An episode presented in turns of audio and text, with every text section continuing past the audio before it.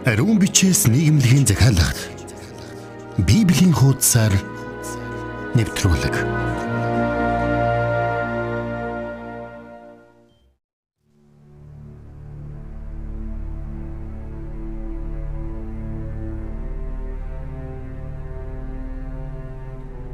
Ирхэм сонсогч танд энэ өдрийн мэнд хүргэе. Библийн хуудасаар радио цаураар нэвтрүүлгийн шинэхэн дугаар эхэлж байна. Өнөөдөр бид хамтдаа Йов номоо үргэлжлүүлэн 11-р бүлгийн 1-р ишлэлээс 13-р бүлгийн 4-р ишлэлийг хүртэл уншиж судлах гэж байна. Өмнөх хичээлүүдэд Йов өөрийг нь тайвшруулж зовлонгийн хуваалцах байхтаа гэж бодсон хоёр найз нь түүнийг хэрхэн буруутгасныг харцгаасан.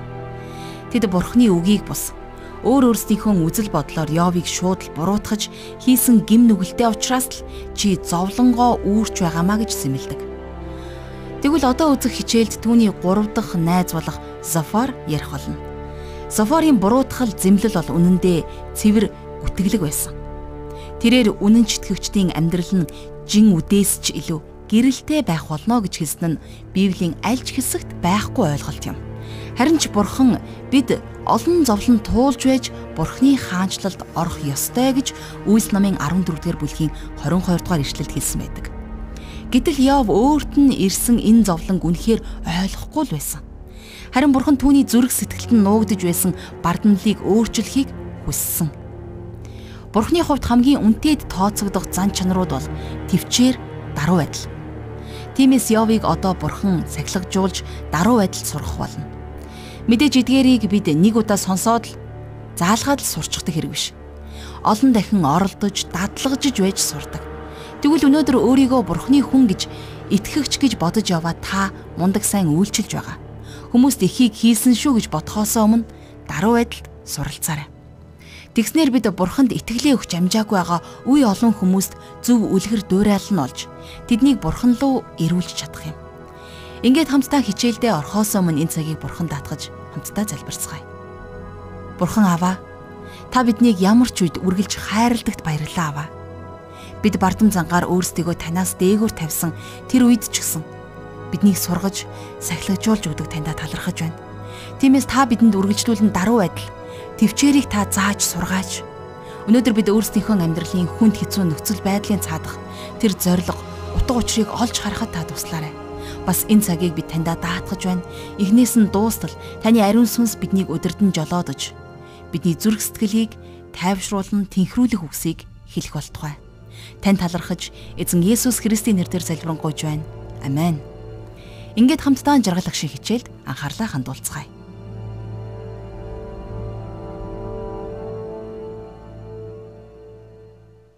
За Йов номын эхний хэсэг дээр Йовын 3 амт найз түүн дээр ирж тэрний туулж байгаа энэхүү зовлон бэрхшээлд тайтгал болохоор өөр өөрсдийнхөө өчлийг хэлсэн тухай гардаг тийм ээ.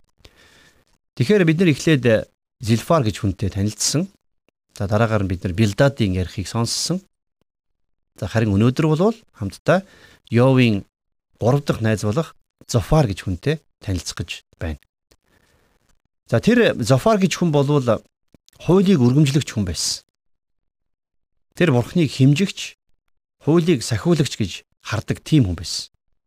Тийм учраас тэр бурхныг юу хийх гэж байгааг сайн мэднэ гэж хувьдаа боддог байсан бололтой. За Зофор бол уламжлалыг дагагч Билдадаас арай өөр хүн. За хэрвээ та санаж байгаа бол Билдад хуучны түүхээс сургамж авах ёстой гэж хэлдэг тийм хүн тийм ээ. Учир нь тэр шинжлэх ухааны сэтгэхүйгээр бүх юмыг харж хандаж байсан шүү дээ. Хуучны чулуун олдвруудаас дэлхийн гарал үүслийг тогтоож болно гэж боддог хүний төлөөлөл бол Билдад байсан тийм ээ. Харин Зофар бол шинжлэх ухааны сэтгэхүйтэй байсан ч гэсэн хууль дүрмийг илүүд үздэг байсан болохоор орчлын ертөнцийг тодорхой хуулиудаар хөдөлтгөө гэж үздэг байсан. За тэр бол нэг үгээр хэлэх юм бол орчин үеийнхээр бурхангүй үзэлтэй атеист хүн байсан. А гэхдээ хуулийг анх хин нэгэн үүсгэхгүй байсан бол бидэнд хууль гэж байхгүй байсан шүү дээ. За тэрнээс гадна Зофар өөрийгөө бүхнийг мэддэгэ гэж боддог байсан. Тэр бол хууль дагагчийн дуу хоолой. Бурхныг хуулийн дагуу ажиллаж, хууль нь захирагддаг мэтэр ярьдаг. Магадгүй эндээс харах юм бол Йовын 3 найзын дундаас хамгийн ахмад нь Зофар байсан бол таа. Яагаад үгэвэл тэр маш их чухал үгсээр ярьж Йовыг яг л ахмад хүн шиг сургамжилдаг. Тийм учраас Зофарын үгс бүр Билдадын хаас ч хатуу байсан. Ингээд өнөөдрийнхөө хичээлийг хамтдаа Йов номынхон 11-р бүлгээр эхлүүлж за нэгээс 2-р ишлэлийг уншийе. Дараа нь наамд хүн Зофар хариулан Олон үг хариулагдaltaгүй урсаж олон үгт хүн зөвтгөгдөхүү гэж яриагаа эхлүүлж байна. Йовыг өөрийн гим нүглээ үгээрээ халахж байна гэж тэр буруутгаж байна. Харин Зофарын буруутгалын хариуд өөр шиг зовлон үзэж байгаа хүн тэгжил өөрийгөө халахлахаас өөр аргагүй гэж Йов хэлсэн байдаг. Гэвч Зофар тэрний үгийг үл хэрэгсэж тэрнийг өөрийнхөө байдлыг булзааруулж байна гэж буруутгана. Хүнд хэцүү байдлаас үгээрээ мултран гарч өөрийнхөө гмийг булзааруулж чаддаг хүмүүсийг мэдээж бид олонтоо харсан дээ. Зарим өмгөөлөгчид яг л ийм аргаар шүүхийг ялдгийг бид мэднэ. За ийм тохиолдлуудад шудрах ёс биш харин өмгөөлөгч хуульчийн залмих ялж байна гэсэн үг. А тэгвэл Йов тэднэр шиг залтай хүн байгаагүй. За дараагийн ишлэгийг харах юм бол хоосон яриа чинь бусдын дууг хорж Хинт ч чи зэмлүүлэлгүйгээр тохурох нь уу? За Зофор Йовыг бүр худлаа ярьлаа гэж гүтгэж байна тийм ээ. Тэр Йовыг хоёр нүртэн бас худалч гэж хэлж байна. Тэгэхээр ингээд харах юм бол Билдадын үгнээс ч илүү харгас хэрцгий байгаа биз? Билдад Йовыг хоёр нүртэн гэж буруутгаж байсан ч гэсэн хизээч худалч гэж хэлээгүй. Зофар өөрийгөө бурхан ямар нөхцөл байдалд юу хийдгийг өөрийгөө их сайн мэддэг юм шиг ярьж байна. Тэр бурхны хийж байгаа зүйлийг мэдэх боловч Йов юу ч ойлгохгүй байна. Тийм учраас Софар өөрийгөө бурхны үгийг дамжуулж байгаа гэж бодсон.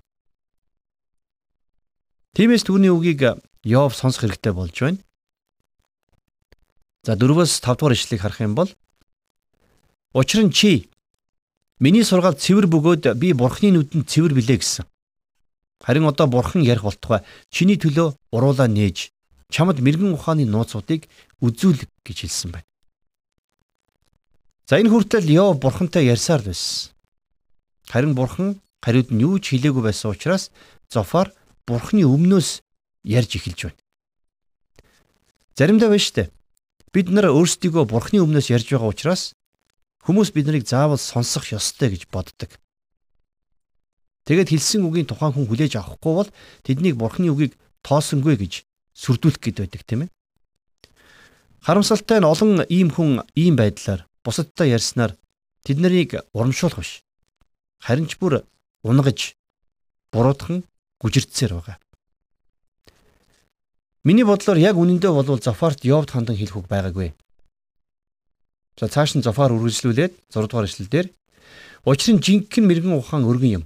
Тэгээд ч бурхан чиний хилэнцийн зарим хэсгийг нь мартдаг болохыг мэддэг вэ гэсэн. За тэгэхээр Зофарын Йовд хэлсэн үгс тайтгарл авчрах биш. Дахиад л нөгөө хоёр найзынхтайгаа адилхан улам бүр урмыг нь хугалж байна. Йовыг зүгээр л үзэх ёстой зовлонгийнхон дөнгөж талыг нь үзэж байна гэж хэлсэн нь үнэхээр аимшигтай байгаа. Энэ бол хин нэгэнд хэлж болох дэндүү хатуу ширэн үгс биш гэж юу? Йовыг ингэж их зовж байгаа нь найзуудынхан төлөөлж байснаас ч илүү дор хүн болохыг харуулж байна гэж тэрээр ярьж байгаа. Гэтэл Йовын нөхцөл байдалд орсон хүнд Зофорын зөвлөгөө ямар ч нэмэр болохгүй.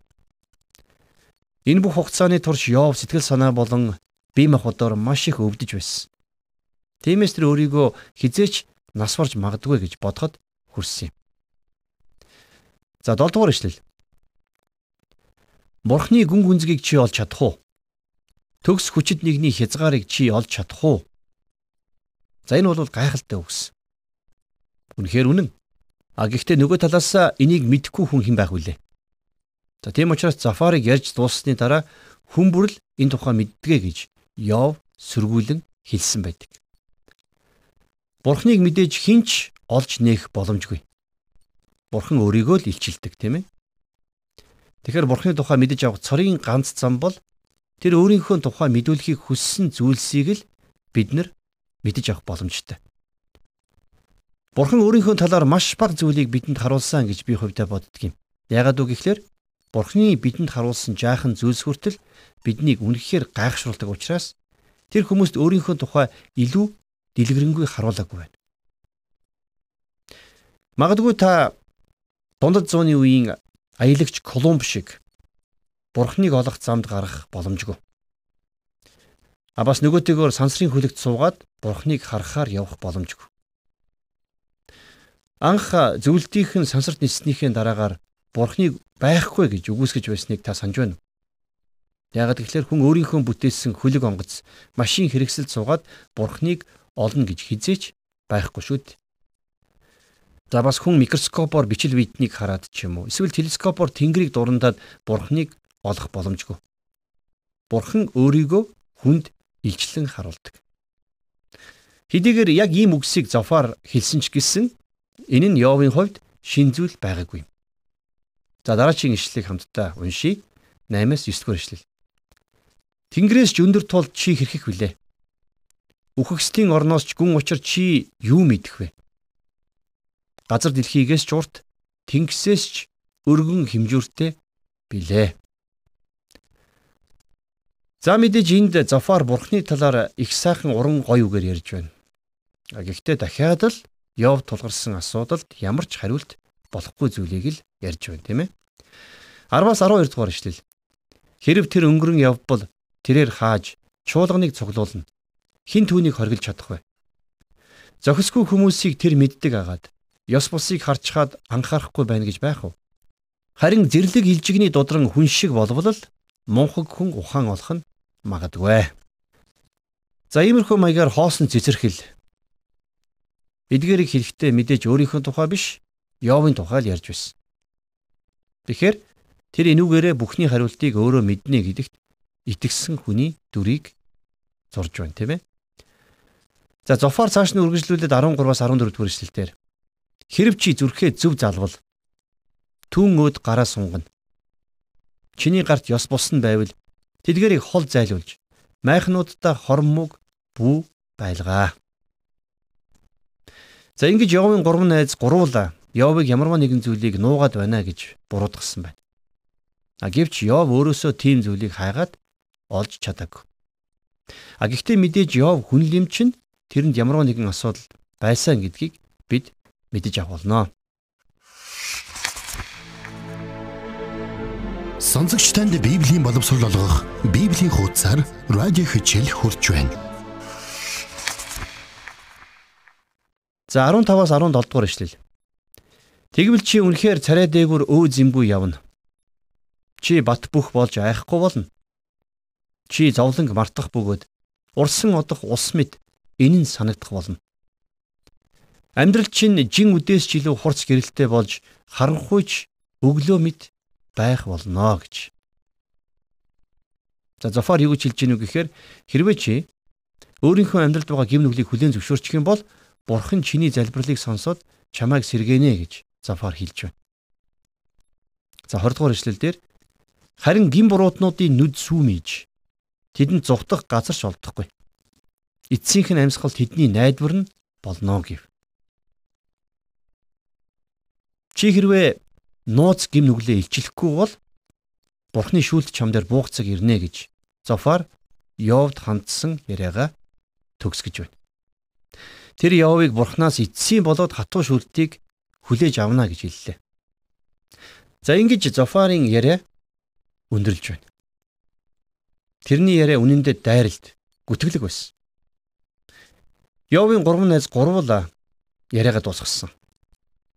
За харин одоо Йовын хариулж ярих цаг болсон. Тэрний найзуудтай хэлсэн хариулт нь Йов номын хамгийн урт хэсэг болдог. За Йов номын эхний хэсэг Йовын урт хариултаар төгсдөг. Йовын үеийн хүмүүс цэц булаалдах үнэхээр дуртай байсан гэж бид өмнөх хичээлүүдээр ярилцсан. Харин өнөөдөр оюун ухаан биеийн хөгжил хоёулаа үнэлэгддэг болсон цаг. За ингээд Йов ямар үгсээр яриагаа эхлүүлэхийг хамтдаа үргэлжлүүлэн харцгаая. За Йов номын 12 дугаар бүлгийн 1-ээс 2 дугаар эшлэл. Тэгэхэд Йов хариулан Үнэхээр хүмүүс л юм да та нар. Үгүй болон та нартай хамт мэрэгэн ухаан бас За их яшилсан үгснүүд байна тийм ээ. Та нар өөрсдийгөө бүх хариултыг мэднэ гэж бодож байна. За та нар ухаантнууд байдгийн байж.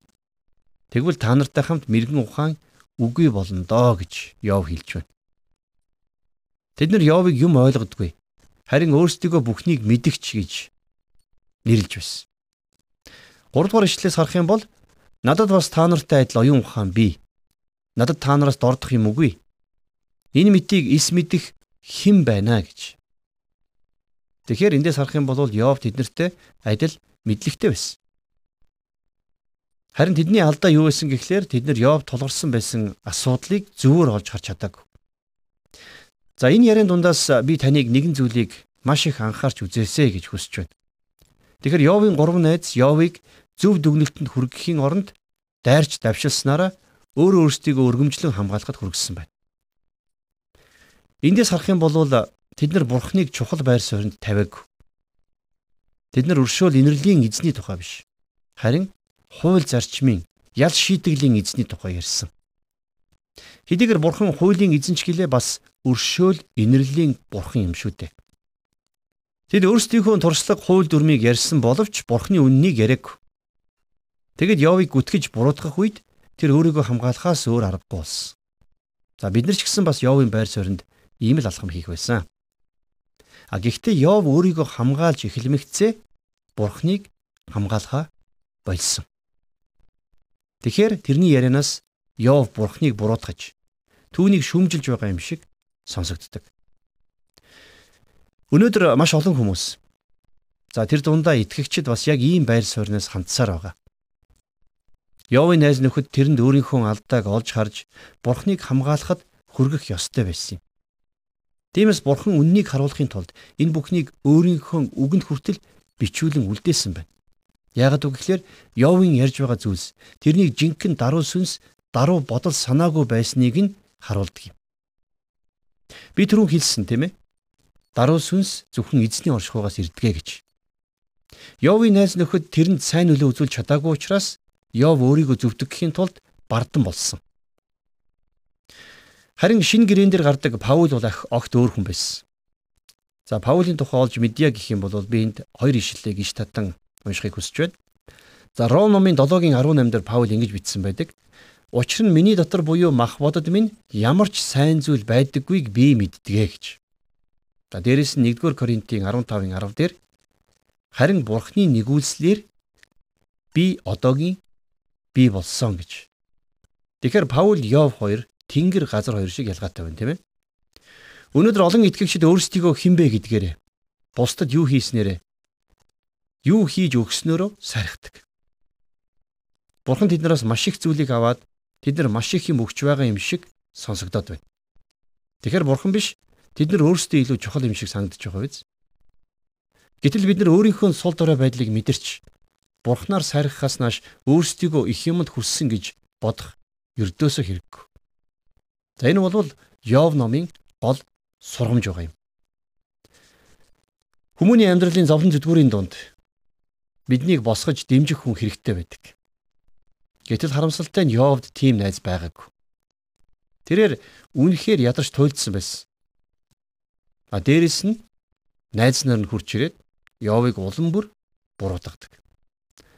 За тэр байдал дундаас Йов найз нартай хандаж үргэлжлүүлэн ингэж хэлсэн байна. За 12 дугаар бүлгийн 4-өөс 5 дугаар ишлэл. Би найз нөхдийнхөө доог тохуу болжээ. Бурхныг дуудаж тэр надад хариулдаг байсан. Зөв дагаад гим зэмгүй би найз нөхдийнхөө доог тохуу болжээ. Маадгар байгчид гай зовлон тохуурхдаг. Хөлн ганхагстад энэ нь бэлтгэгдсэн байдгаа гэж Йов хэлсэн байна. За эндээс харах юм бол Йов гэр бүл эд хөрөнгөө алдаж хүнд өвчтэй болсон хэрнээ энэ гурван хүнтэй л яриад байна тийм ээ. За та нар үнэхээр сайхан байна уу? Та нар хэдийгээр надад зөвлөж чадаж байгаа ч гэсэн би үнэхээр ядарч байна. Намайг зовж байхад зовлонгийн манд хөнгөлөх үг та нарт байхгүй байна уу гэж Йов хэлж байна. Заримдаа номдогч удирдагчид үйлчлэлэн хийхдээ дэндүү албархуу болчиход байгаа юм шиг надад санагддаг. Бид нар өвчтөе хүмүүсийн төлөө тогтсон нэг л хэв маягаар залбирч хаад л гараад явцдаг. Тэгээд нэг өдөр бид өөрсдөө өвчтөе хэвдэж байхдаа хүнд ямар их урам зориг, ямар их тайтгарл өгүүлэгддгийг ойлгодог. Йовд яг л ийм урам зориг, ийм тайтгарл хэрэгтэй байсан.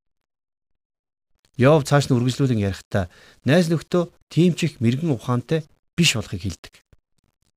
Тэд нар бурхны тухай мэддэг цорын ганц хүмүүс биш юм. Йов ч гэсэн бас бурхны хүч хүний амьдрал хэрхэн ажилдаг болохыг мэддэг. Тэгээд найзуудынхаа ямар ч хэрэггүй үгсийн төлөө Йов маш их хорссон үгээр хариу барьсан байна. За мэдээж найзуудынхын зөвлөгөө бол Йов тус болоогүй. За тиймээс 13 дугаар бүлгийн эхэнд Йов найз нартай биш. Харин Бурханд хандан ярьсан байна. 13 дугаар бүлгийн 1-ээс 2 дугаар эшлэлдэр харахтун нүдм нь бүхнийг харж чихмэн сонсож үүнийг ойлгосон юм. Та нарын мэддгийг ч би бас мэднэ. Та нараас дордох юм надад өгвэ гэж Йов яриагаа эхэлж байна. Дараагаар нь 3 дугаар эшлэлдэр харин би төгс хүчит нэгэнтэй ярилцсан. Бурхантай өөрийн хэргийг би хилэлцгсэн гэж хэлж байна. Йов найзуудаа орхиж бурхантай шууд харилцсамаар байсан. Тэр бурхантай ярилцахыг хүсэж байсан. Бурхны өршөөл инрэл хийгээд түүний тусламжийг маш их хүсэж байсныг түүнд хилдэг хүн байсан ч болоосой гэж Йов хэлж байна. Бүр 3-ын 3 найз нь ирчгээд нэгэн ч тус болохгүй байсан учраас Йов цааш нь үргэлжлүүлээд за дөрөвдүгээр эшлэлдэр харин та нар худал хуурамгаар шохооддаг бүгдээрээ олиггүй эмчнэр юм а гэж найзуудтай ширүүлхэж байна. Йовын найз нөхөд Йовын асуудлыг ойлгохгүй тэрэнд ямар ч нэмэр болохгүй байгааг тэр давтан давтан ярьж байна. Тэд нар яг л чихрийн шижинд туссан хүний уушгинд нь хагалгаа хийхээр завдаж байгаа эмчтэй адилхан байсан. Тэд нар асуудлыг огт ойлгож хараагүй. Өнөөдөр эрхэм сонсогч анд та бидний сурах нэгэн сургамж юу вэ гэхлээр хин нэгэн хүний зовлон бэрхшээлийг бид өөрсдийн нүдээр биш харин Бурхны нүдээр харж сурах явдал юм. Йовын найз нар Йовд тайтгал болохын оронд өөр өөрсдийнхөө давуу талаар түүнийг улам илүү дарж сэтгэлээр унгаас. Өнөөдөр та бидний төлөө бурхан залбирч, бурханд зуучлан бидний өмнөөс бурхантай ярих тийм л найз нөхдөд хэрэгтэй байгаа юм аа.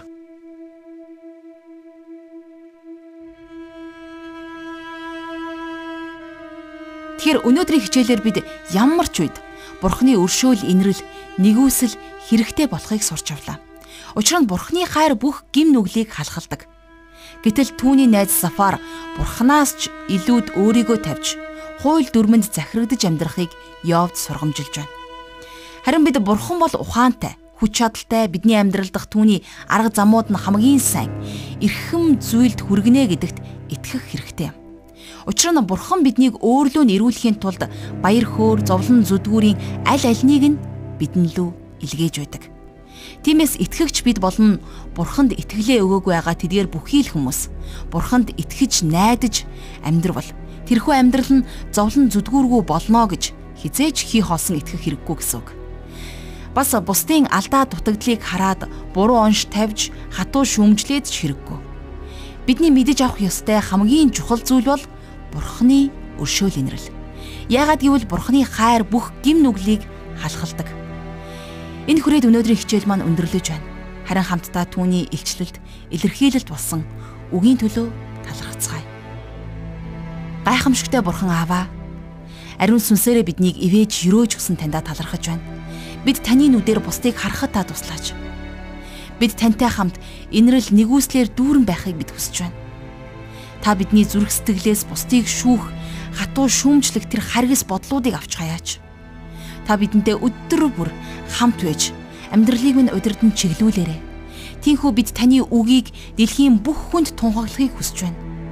Тиймээс биднийг даруй, дуулууртай, итгэлтэй болгож сахилгажуулж өгөөрэй.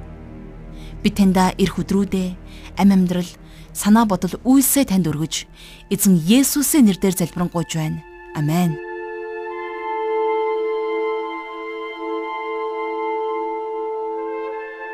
Сонсогч танд ариун бичээс нийгэмлэгийн захиалагт Библийн хуудасаар радио хичээл хүрлээ.